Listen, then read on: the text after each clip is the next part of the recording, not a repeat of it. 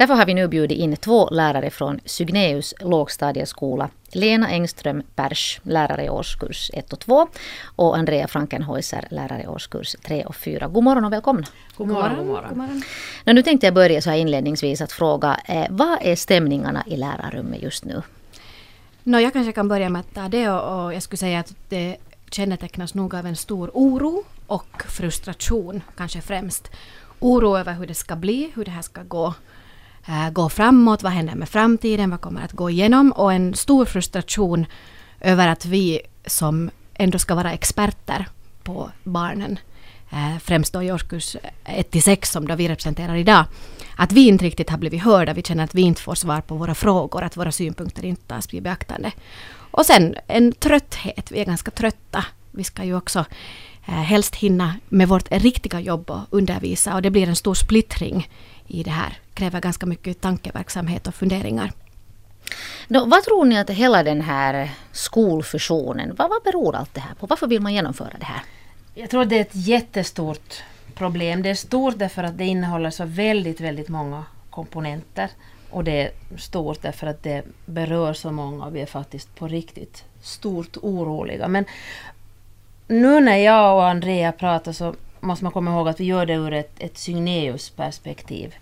Och, och, när vi nu kommer att prata om skolan och Sygneus så betyder det ju inte att vi har glömt bort musiklinjen eller, eller högstadien eller någonting sånt. Det vill jag bara ha sagt så att inte någon tycker att men de pratar ju bara om sitt eget. Men det är lättare för oss mm. att exemplifiera på det sättet.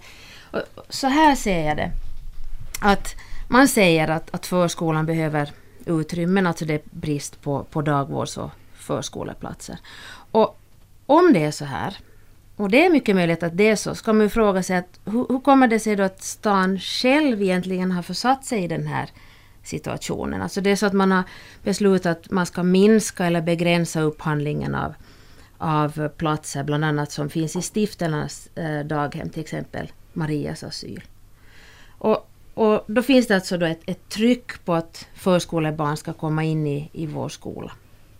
Och det där kan vi leva med, men, men, men det som vi absolut inte vill det är ju att bristen på daghemsplatser, den får ju inte lösa, lösas på grundskoleelevernas bekostnad. Alltså vi har inte någonting emot att ta emot förskoleelever. Det är inte alls som Eh, det står i dagens huvudstadsblad att vi skulle vara rädda för det här. Men vi vill att en, att en sån här flytt av förskoleeleverna, att det ska ske genom en längre samarbetsprocess och en, en diskussion mellan oss pedagoger. Mm. Vi, har, vi, är inte överhuvudtaget där. Här är en ganska stram tidtabell. Det har Absolut. hänt väldigt mycket på väldigt kort tid. Men, men jag tror så här att om, om det är så att de ska in och vi har fört den här diskussionen och vi har kommit fram till att ja, det här är det bästa. Eh, då finns det alltså en ritning redan, eh, en gårdsbyggnad som vi har, som man kan göra om till musik och ämnesrum. Och det är alltså inte vi lärare som har gjort den här ritningen, utan man har också från stadens håll signalerat att det här är tänkbart. Man har låtit en arkitekt eh, rita om den här byggnaden. Och, och, och, då ska man då få ett klassrum i nedre botten där förskolan skulle kunna vara. Men jag tänker så här att varje skola har sina egna särdrag och sina egna behov och, och, kanske också egna speciallösningar på problemet. Så att vi skulle kunna lösa det här problemet utan att det blir en gökunge mm. som trycker iväg sexorna. Och idag så signalerar också Brändö att de kan också lösa det här problemet på sitt sätt. Och nu menar jag inte att vi kommer att lämna alla andra vind för våg, men, men vi har alltså, jag tror att, att varje skola ska titta på sig själv och fundera att vad är vi bra på, vad är våra styrkor, mm. hur kan vi lösa de här mm. problemen. Mm. För, för vi kommer alltså verkligen att, att vi motsätter oss alltså en flytt av årskurs 6. Har er röst blivit hörd? Upplever ni att de här era tankar har gått vidare och någon har lyssnat på dem? Uh, vi har varit på, på några möten. Uh, vi har haft ett, uh, varit på ett möte som, som gäller rektorer och representanter från lärarkåren och ett, ett möte för, för hela distriktet. Vi har också pratat om det här i, i lärarrummet. Men äh, att bli hörd, om det är då att ha det här, att få informationen, så är det en sak.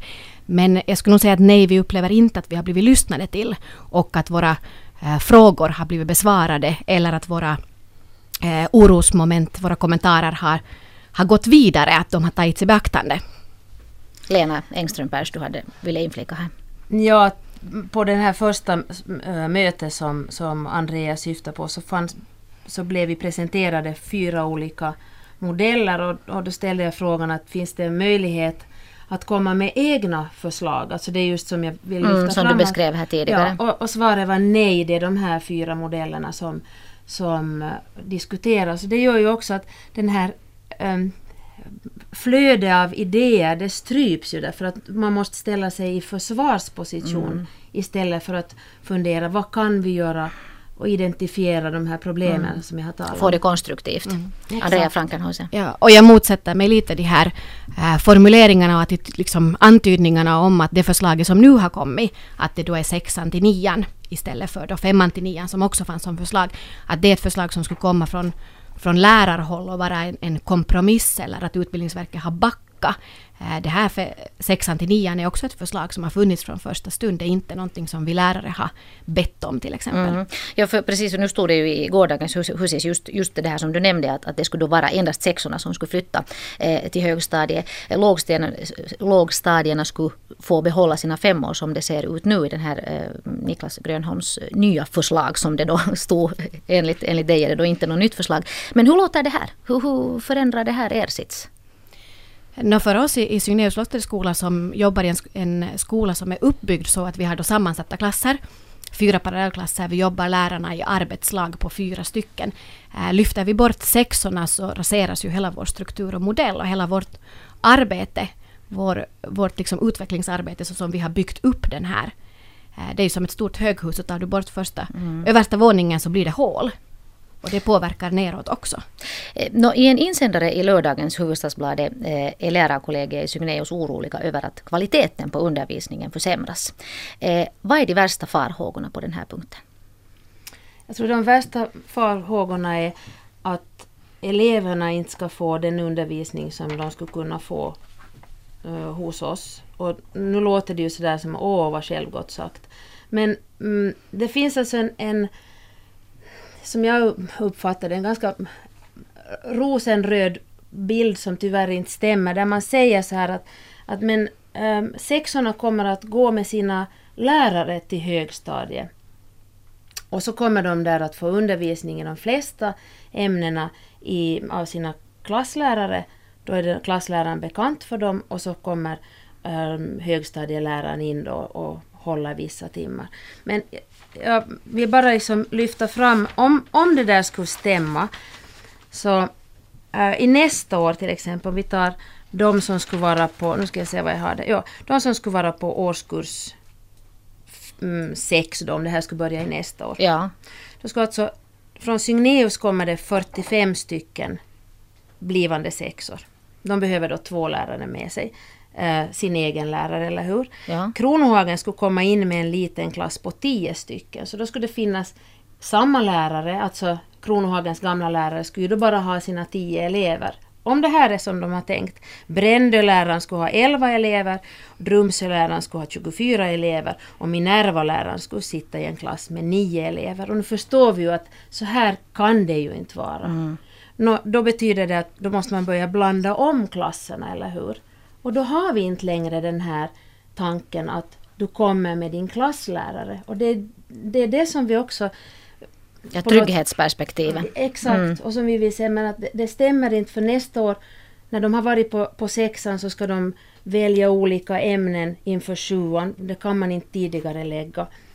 Och så ska bla, äh, gruppen blandas om på nytt. Så att istället för att skapa en lugnt, någonting som är lugnt och tryggt så bygger man in en sorts turbulens. Och det är inte eh, högstadielärarna som, som vill det här och det är inte lågstadielärarna som vill det här heller. Och, och jag tycker det är på något vis viktigt också att för mig att få sagt att jag har, jag har ingenting emot högstadielärare, jag har ingenting emot att samarbeta med dem. Men det här är inte ett pedagogiskt beslut utan det handlar om utrymmesbrist och så försöker man göra en kvalitet av en svaghet. Svagheten är att det finns för lite utrymme och då försöker man få det att bli någonting bra men vi ser inte det här mm. goda i det. För er som just har knäppt på radion så ska jag berätta att vi är mitt uppe i en skolnätsdiskussion här tillsammans med Lena Engström Pers från Sygneus lågstadieskola och Andreas Frankenhäuser som båda är alltså lärare där. Eh, är ni rädda för era jobb? Uh, ja. Jag vet inte om man med, med rädda för våra jobbet menar att, att, kommer, vi att ha, kommer vi att ha jobb i framtiden? Det tror jag nog. Uh, frågan är kanske mera var var detta jobb och hur kommer det att se ut? Och, och du frågar om de här farhågorna så gäller det ju också lärarna. Vi har ganska mycket frågor eh, hur det här praktiskt ska lösas. Och om jag ännu får spinna vidare på vad, vad Lena var inne på så, så pratar man om att årskurs 6 då ska få de här ämneslärarna i vissa ämnen och att, att också då eh, vi klasslärare att det då är så många klasslärare som har dubbel behörighet och kan då undervisa uppåt. Och här finns nu två saker som vi behöver lyfta fram. Det ena är det att vi som är klasslärare i årskurs 1 till 6 är alltså behöriga, alltså utbildade för att undervisa i alla ämnen. Eh, också som det kom fram i dagens huvudstadsblad i fysik och kemi. Mm. Vi är också utbildade för det i årskurs 5 och 6. Så att då är det ju lite som att säga att vi inte är tillräckligt kompetenta eh, om man då säger att de behöver få in ämneslärare. Mm. Och den andra aspekten är det att det är väldigt, väldigt få klasslärare som också har den här dubbla behörigheten och sålunda skulle kunna undervisa. Vi är ett kollegium på, på 12 lärare och vi har då en som har den här dubbla behörigheten. Hur ser ni på framtiden? No, jag hoppas ju att, att eh, beslutsfattarna lyssnar på oss och, och förstår att de starka enheterna och jag räknar Sygneus som en stark enhet, att de inte ska försvagas. Vi, vi har en, en rektorstjänst. Och går man ner i, i elevantal så försvinner den här tjänsten och då blir det istället en, en pedagogisk ledare eller en föreståndare. Men, men man har liksom när man har tittat på vad, vad, gör, en, vad gör en skola framgångsrik så, så är det säger man att det handlar om, om ledningen och nu menar jag inte att små skolor kan inte ha en bra ledning men eh, det är alltså ledningen och sen interaktionen mellan eleverna och lärarna. Och i, vårt system är uppbyggt så att vi har en rektor, vi har en, en ledningsgrupp och vi har ett lärarlag. Så vår struktur är, är, är någonting som, som är vår ryggrad och som, som också handlar om hur, hur vår skola ser ut. Så att, eh, på det sättet är jag lite rädd för, för mitt jobb, att det kommer att se att det kommer att se annorlunda ut och då måste jag också göra den här utvärderingen. Var det det här jag ville? Eh, är det så här som, som jag vill att min skola ska se ut? Eller måste jag igen tänka så där som jag gjorde när jag var nyutexaminerad lärare? Att vilken skola är det jag vill jobba mm, i? Mm. Så att på det sättet, ja, jag, jag hoppas ju naturligtvis in i det sista att, att beslutsfattarna som har makten i sin hand, att de verkligen ska tänka på hur, hur, hur skört, eh, sköra våra enheter är om man, om man ändrar på dem och hur starka och vackra vi kan bli om vi får växa som vi vill. På torsdagen tas frågan upp i nämnden och den nya skolkartan slås fast i maj. Eh, här hinner säkert hända ett och annat före det. Lena Engström Pers, eh, Andrea Frankenhäuser från Sygneus lågstadieskola. Lycka till Tack så och, och styrka i ert arbete trots allt. Tack. Tack för att ni var här den här morgonen. Tack för att vi fick komma.